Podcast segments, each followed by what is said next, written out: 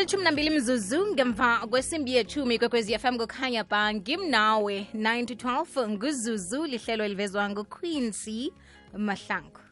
Namhlanje ngomvulo sibiza umndeni siyakhuluma asilwi akunamuntu esimsolako siyabonisana sihlala phasi simndeni.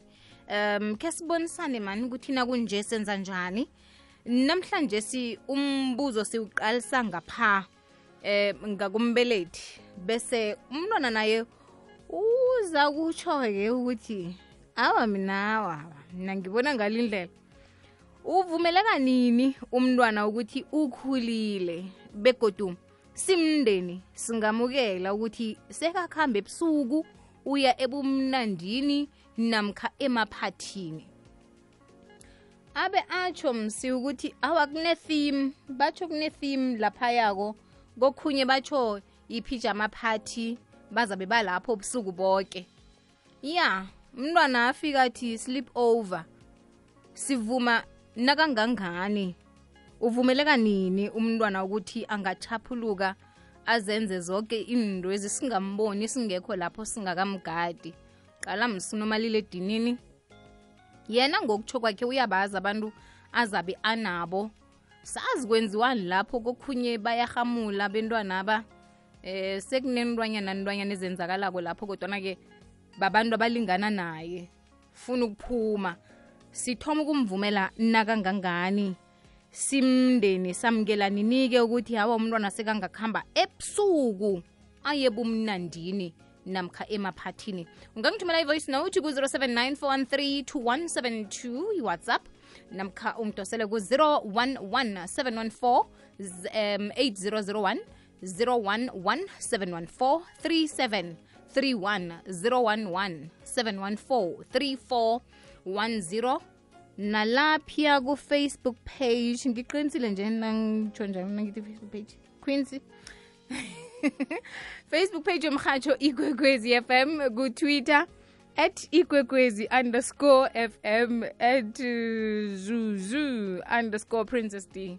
Mzingisi ikwekwezi fm kukhanya ba ngimnawe 9 to 12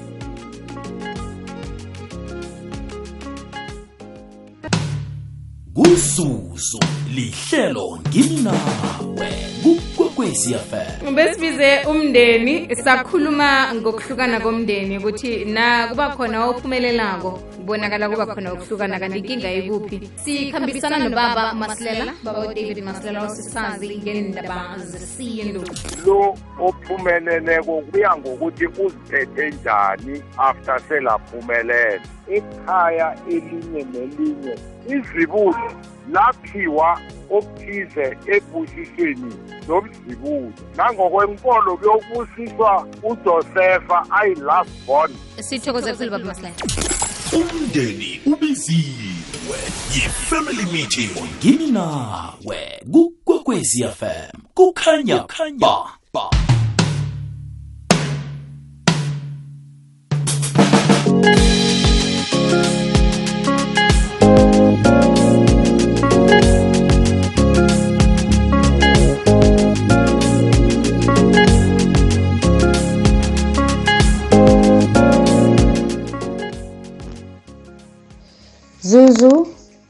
umntwana uvumeleka ana 25 years. Angaceda isikolo. From 25 years acede isikolo ukuya ukuya phambili. Vumeleka lapho. Mina bangitsho lutho ngiyajama net lapho vele. Umntwana kosabe na 25 years acede isikolo. Nanoma angakasicedi mara nakana 25 years ukuya phambili urehe. Kamara ngazenza intwezo mina ngijama neti lapho abangisayi ndawo zuzu. Iphelela neti lapho ngikuhloga igama. Bye. Zuzu. Ngiyakulotshisa emini zuzu. Okulotshisayo ngobaba omncane hlanu kwesiporo kenros umaseko uh, zuzu akhe ngithi mina umuzi nomuzi unomthetho khona. Angeke sathi kunesikhathi esithize esivumela umntwana. Kuya ngokuthi emzini loyo bachaphuluke kangangani ukumvumela umntanabo. And then igama elithi umntwana kutsho ukuthi usesengaphasi kwesandla sombelethi. Nangabe umbelethi akhe akuvumi ukuthi amchaphulule ngitsho noma ngaba na-20 21 25 nangabe umbelethi yakhe u- ku- ku- kunenzisola zisolako zokuthi mhlawumunye la ayakhona umntwana akakaphephi or nanyana akusikho la athi uyakhona U- as long athi mntwana angaphasi kwesandla sombelethi hawa zuzu nangabe bayala bayabhala bayabhala. Ngithokozile zuzu. Hayi zuzu maria mahlangu emanyanga kwadlawulane mna bengicabanga ukuthi nona 18 awa kamari bakulise ube independent mara nje akusese safe. Okusala ukuthi eh, uza ukuthi lokhu usajabulela ukuthi u-independent zuzu eish is too short. Mara nona 18 awa gogo kamari sebakunikeza imkhiya. Phumeso shaya umoya. Bye. Hi Zuzu, ngunaleli eDalstrom. Mina ngicabanga ukuthi 18 years i right. Ngoba vele abantwana bamanje ba hyper, ba hyper kakhulu. hello zuzu. Ukhuluma nodumisani sikhosana e-witbank. Awa zuzu asikho isikhathi sokuvumela umntwana ukuthi batsho uye emaphathini uye ematshwaleni kamara ngaba ngangani? Umntwana mntwana. Nje net nje ukuthi umuntu azicala acala impilo yakhe nje wona nombelethi nje uyamtshela umntwana ukuthi mntwana ngoba sosesikhathini sinje unomnyaka onje impilo enje izokulethela lokhu enje ikulethele lokhu. Umtshela ukuthi nakaya ematshwaleni akahlangabezana nalokhu. Nakhambe ebusuku angahlangabezana nalokhu.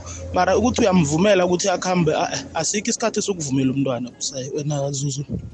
Umntwana kukuye uyazikhethela impilo nje uyazikhethela zuzu. Ngiyathokoza. Sanibonani sisi Zuzu, yimi u-Ana wasethembisa.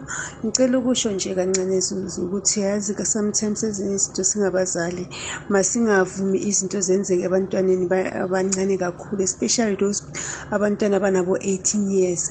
Umntwana mangasikhuluma masithi mkhulu, umntwana usukhona ukuthi akhone ukuya emsebenzini avuke ekuseni ahambe athathe ibheki aye emsebenzini. Uye umuntu ebathi mkhulu noma umntwana we-21 years angeke-ke lapho kuze umgade fanele umtshele ukuthi sowukhulile mntanami wozozigada-ke. As long as asebenza. Nangabe umsebenzi awukho makunokuthiza akwaziyo ukuthi akwenze lana endlini like ukuthi athengise as uh, okuncane nje yenze ibhizinisi nyana uyambona ukuthi lo muntu unengqondo. Kodwa laba abancane laba nkosi yami sizuzu ngiyakhala kakhulu. Angeke size sivume singabazali. Ngingazi-ke ukuthi abanye abazali bathini kodwa mina angimvumile wami umntana even namanje una-19 angivumi. Ngiyamtshela ukuthi la kimi u-six u-six eks- ekuseni akunamuntu ozongena egedini lakwami. Ngo-six ntambama amagedi ayakhiwa.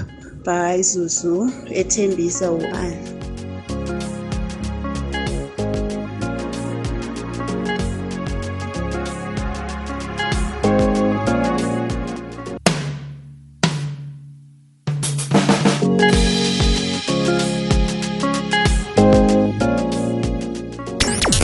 umndeni ubiziwe yi-family meeting ikwekwezi fm kukhanya ba ilithumi nethoba imzuzu ngaphambi kwesimbi yethumi nanye ngimnawe 9 to 12 sibize umndeni sikhuluma ngokuvumela umntwana bona angaphuma akuhambe nabangani akuhambe umntwana ayozithabisa akuhambe ubusuku bonke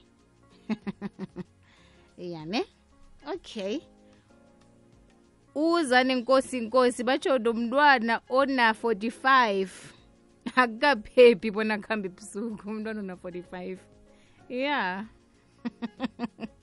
uthulani mabedi mthweni uthi ngokuya ngomthethosisekelo wesouth africa minyaka elithumi nobunane umntwana akunakuthi ukhulile ukuthi angenza izinto ezingakalungi. Kuya ngokuzwisisa ubujamo bepilo nokwazi into engakalungi nelungi- eh, nelungileko. Mm. Um nasiladlulile eminyakeni elithumi nane. Uscott lindu uthi mina ngekhe ngamvumela. Ikani nje nakasahlala nami. Ngina 41 njenganje begodu nginomzami. Kodwana umma nangize ekhaya ungigada njengonogada imali nakagade imali. Ngendlela umma bekasigada ngayo nasisakhulako bekubudisi kodwana nje sengiyabona bonyana bekasivikela. Innocent sibusiso monareng uthi nomuntu omkhulu naye akukavumeleki ukuthi akuhambe ebusuku. Angithi kutsho bona bathi ubusuku abuyiqophi indwala. Ubusuku abunandwele. Ebusuku kuyalalwa akukhanjwa. Naye umuntu omkhulu alale ingabi nomuntu okuhambako awu okay. Hayi.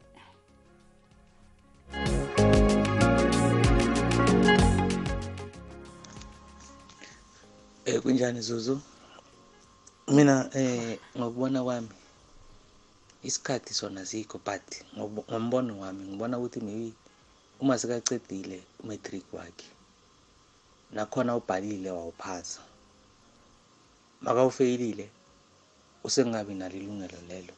Angithi fanele usapa imatric leyo akwazi ukuthola isitifiketi sakhe. Then lapho mina ngibona ukuthi kuzabe sekuthi kungcono ukuthi angaphuma aya lapha emaphathini. But yona isi ayinasikhathi yena kusinto enhla ngisho. Ngiyabonga zuzu uraymond la emamelodi okay raymond. Lotsha Zuzu. Kwande ekuseni namhlanje awuba ngixoxa igama. Awa. Eh akunasikhathi abavumeleka khona tot bekaberege. Wenze ukuthi naye avelela yisehloko lesithize. Akhona ukuzitsheja yena. Umvumela njani umntwana? Nakabhubha lapha ke. Nakalimala lapha adinga isibhedlela athwala ahluyela hlala kuwilitshe yotshejwa ngibani no akaberege.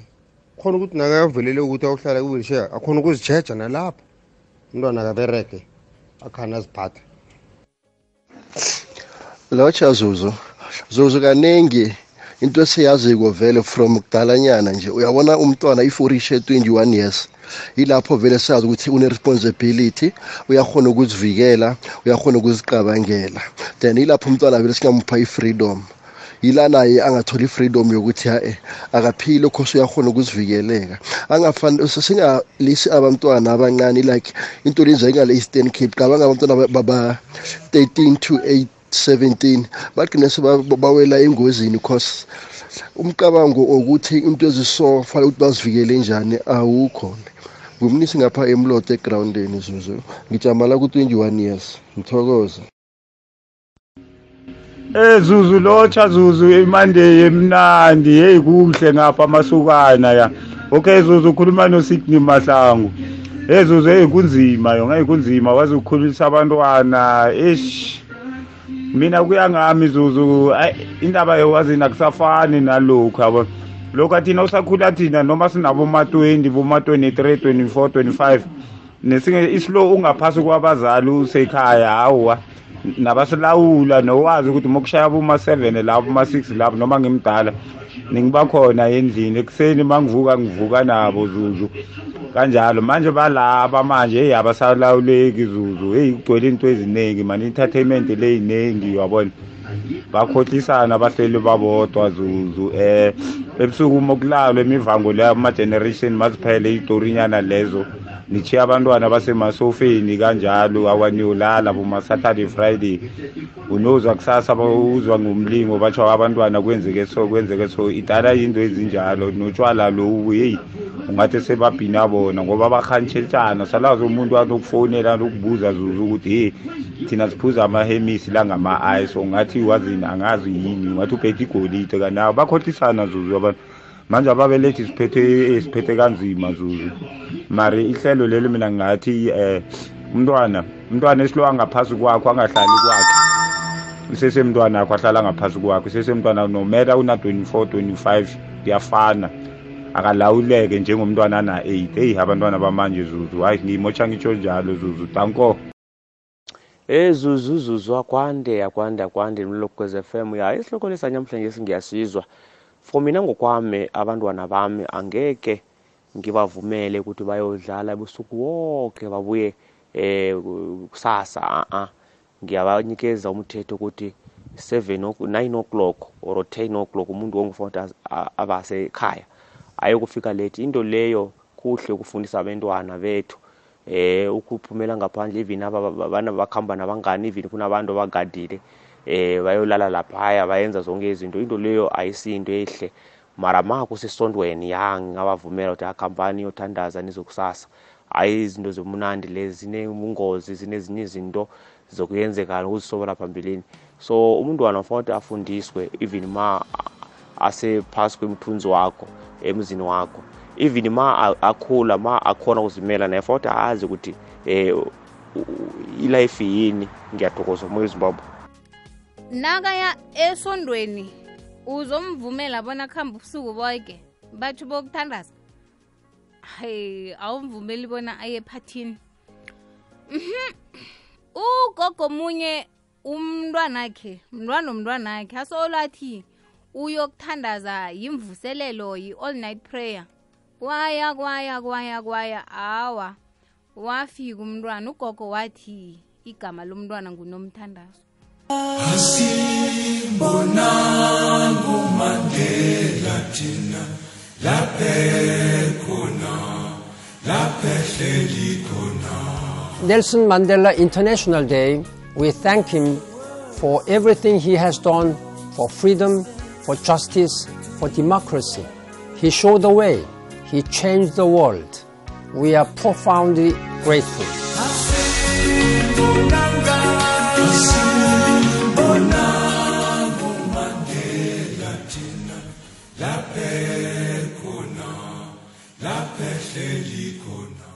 Ikwekwezi yafam kukhanya bhayi likhomba kwaphela imzuzu ngaphambi kwesimbi yechumi nanye umndeni ubiziwe.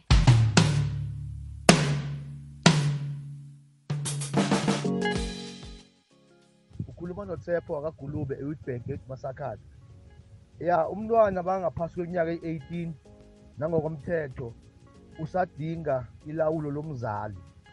Bese makusangaphezu kweminyaka eh soyambonisa kwezinye zezinto ngoba ubuzali abupheli noma ngaye emtshadweni usamnika i-advice umntwana but-ke abantwana bafani abanye noma bangaphezu kwa-18 ingqondo zabo zisadinga ilawulo lomzali.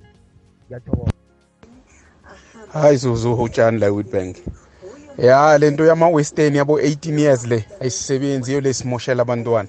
Umntwana kose umkhulise umnake umbone ukuthi uyabona manje sowumature uyakhona ukudecide. Hhayi lento yabo-18 years. Umuntu we-18 years kahle kahle usafana nomuntu we-13 years akazi nix kahle kahle. I- i- i-life is all about experience izinto ezenzeka empilweni yakho. Then it's whereby you can start ukwenza ezinye izinto nje. Abantwana banakwe baze bakhule nje.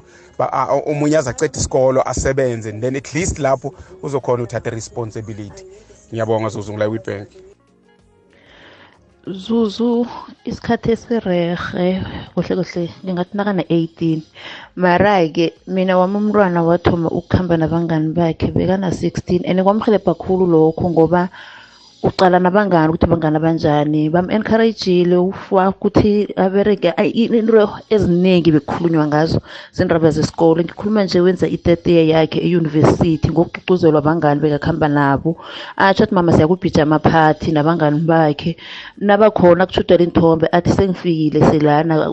Nje yonke into ayilokha njayo ukuthi umntwana kusele umthembe and uzithembe nangendlela omkhulise ngayo ukuthi angekhe aphume elawulweni.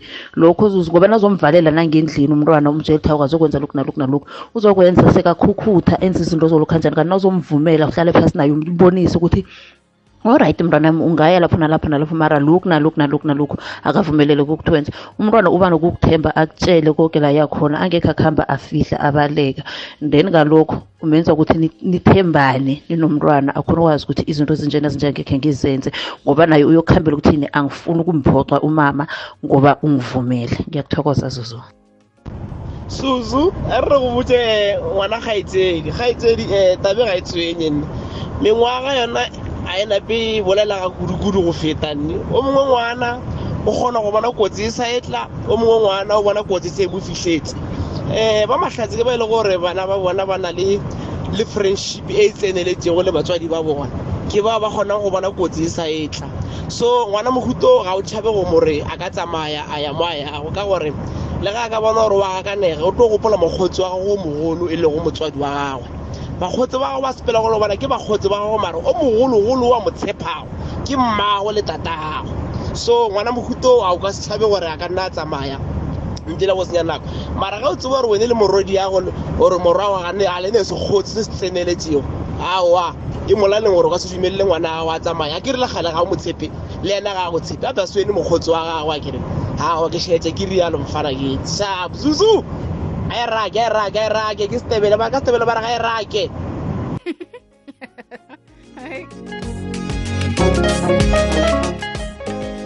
um PS Themba M. Mahlangu. uPS lo utsho ukuthi ngupastor namkhanjani okay. Uthi eqinisweni akekho umbelethi ovuma abonyana umntwana sekakhulile. Hmm? sekangakhambi ebusuku namkha aye emaphathini. Kumbelethi umntwana uhlala amntwana nanyana ngaba neminyaka emathumi amathathu kodwana umbelethi ufuna umntwana afunde eh asebenze. Navane sikhambe ebusuku vane sesiziphumela thina elawulweni lababelethi. Kungakho bahlala balila ababelethi um ngoba abamukeli. Oh shem nawuvumako awuvumi ngehliziyo yonke mbelethi? Suyavuma ngoba usaba ukuthi uza kuthi ye nginjani njani ngimphilisa isikade Hmm, thoko immaculate gembe uthi akusilula bona umbelethi amukele bona umntwana akhe ukhulile sekangakuhamba aye bomnandini emathaveni ubusuku boke akusilula ne Hmm. matha nomhle khabo mukwena uthi yeyi kosi yami umntwana uhlala mntwana ngendlini kodwana-ke ngoba bayakhula mina kimi naka neminyaka emachumi amabili angachaphuluka kokhunye. Yokuhamba ebusuku yona awa yimbi kulu asikhoni nokulala bangekho ngoba kumbi ngaphandla. Hmm. yane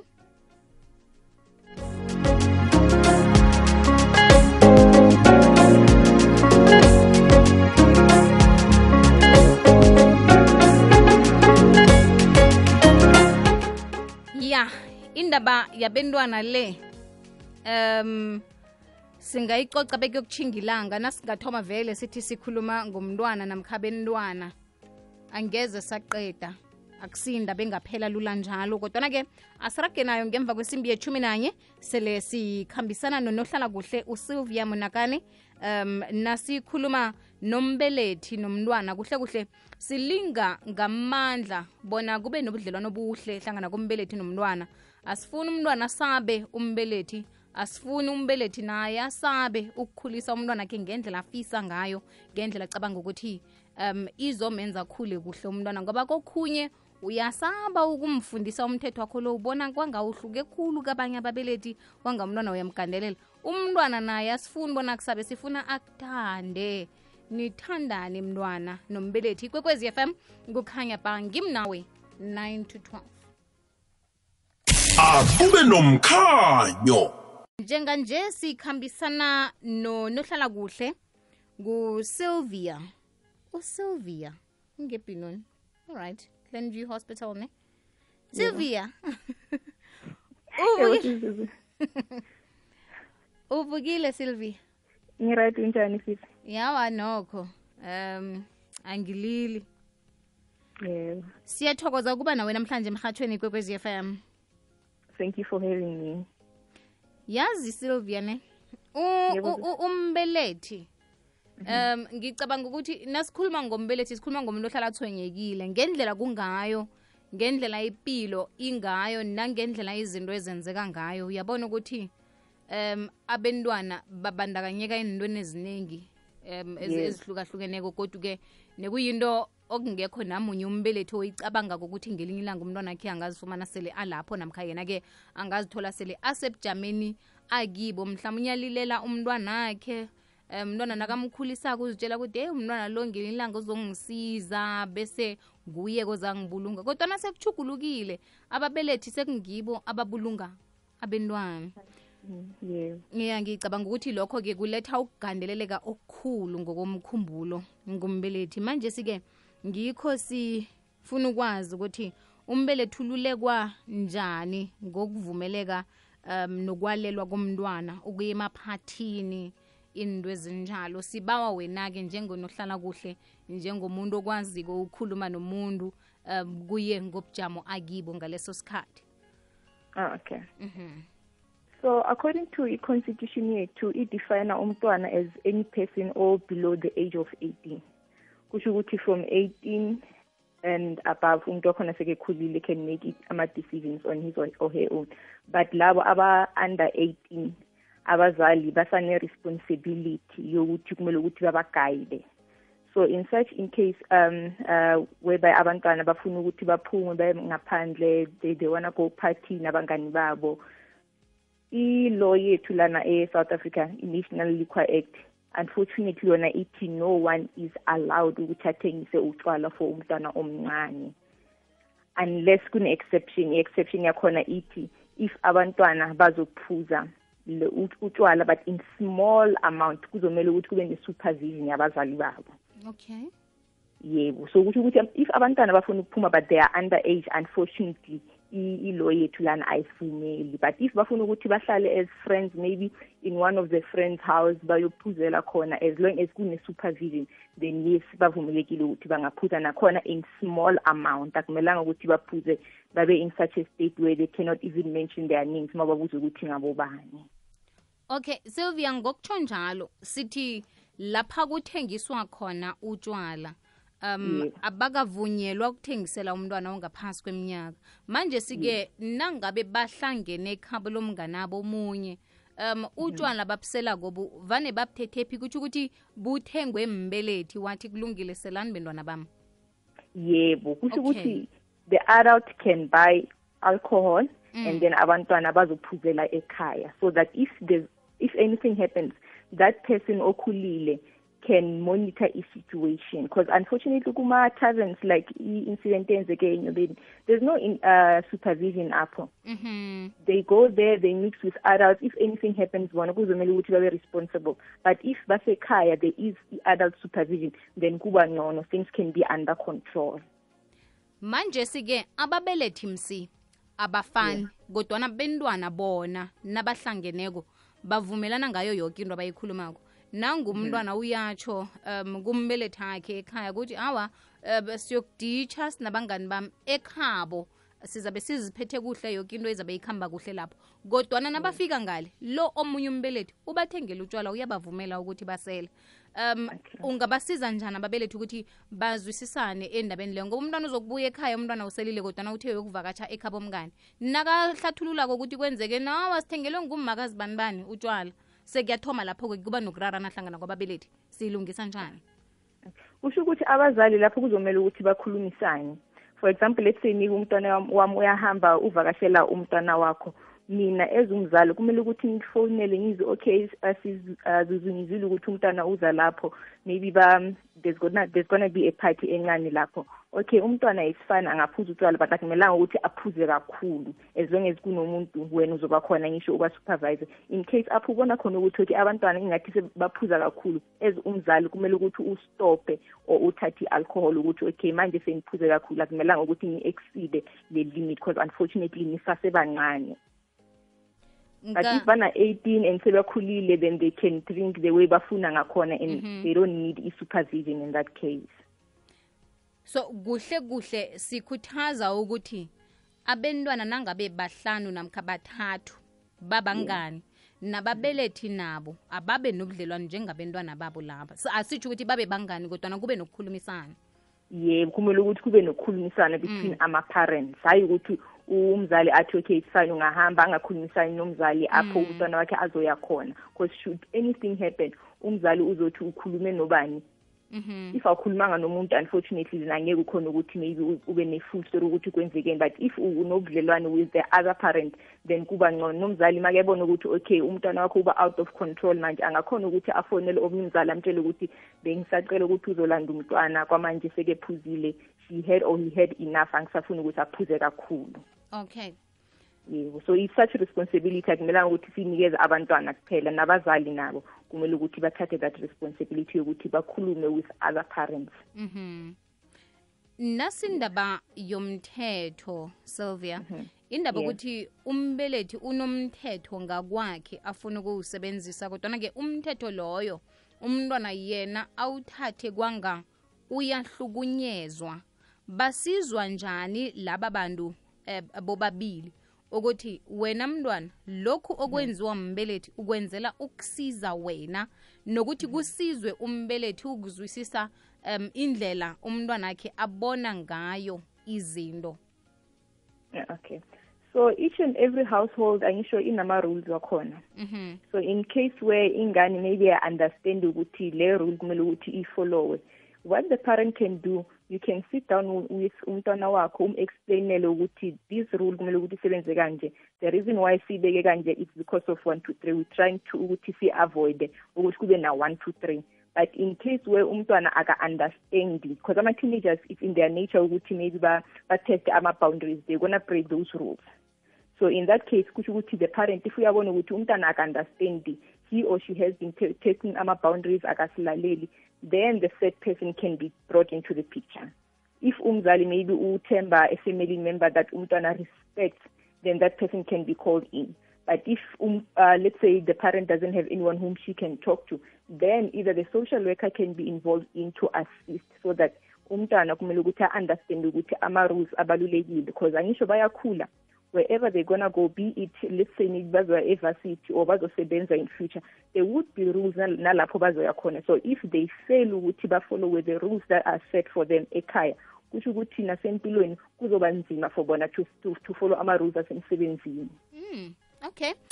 Ngikuzwa kuhle ngiba usibambe- eh, usibambele njalo sylvia sithengise siyabuya. Oh, okay. Ikwekwezi fm ikhanyisela ilimpopo ku-104.1 kukhanya ba abahali abangakabokwa josiah thukwana umdlali wokuthoma onzima owathumbela isewula afrika ama-olimpiki kukwekwezi fm youtube channel. Hashtag abahali bekhethu.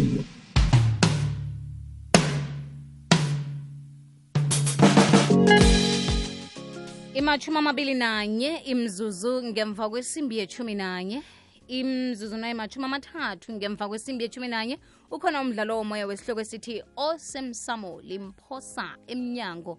Njenganje sikhambisana nosylvia munakane ongunohlala kuhle kanti-ke sitshetsha indaba yokuvumela namkha-ke yokuvunyelwa kwabentwana ukuthi bangazikhupha khulukhulu ebusuku baye endaweni zokuzithabisa baye emaphathini umntwana uyakuhamba uyokulala um ekhabo mngani.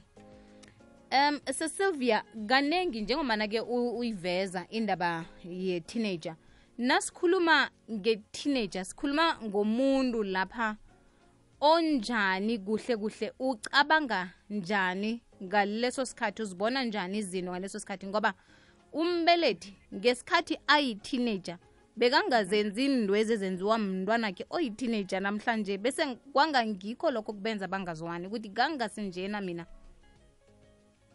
Okay. So a teenager, according to a developmental stage, a te- a teenager is someone who is between the age of 12 and 18 years.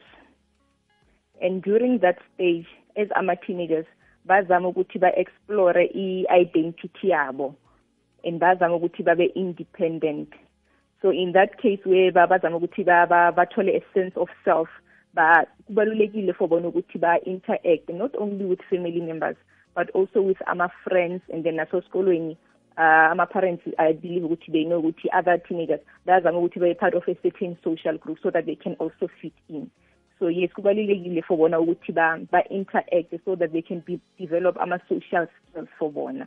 However even though bana 12 ba ba between 12 and 18 years old angisho bayazama ukuthi babe independent they will try to see things from a different perspective Mhm. basayidinga i-guidance from abazali babo because yes the challenges that they are experiencing kwamanje zihlukile with challenges that our or their parents experienced during their uh, adolescent ages Hmm. Uthi basadinga basadinga ukululekwa ukululekwa mbelethi kakhulu because if bathola that support ne-guidance bayakhona Mm. ukuthi ba-develop a strong sense of self but unfortunately with those teenagers where there's no guidance ama-parents or if bahlala bodwa there's no one who tells them what to do or what's the right thing to do unfortunately for bona ba- baba a bit confused because abayitholanga i-guidance during this um, important stage ku-development yabo usatsho njalo um Sylvia ngoba nasicabanga ukukhulisa umntwana.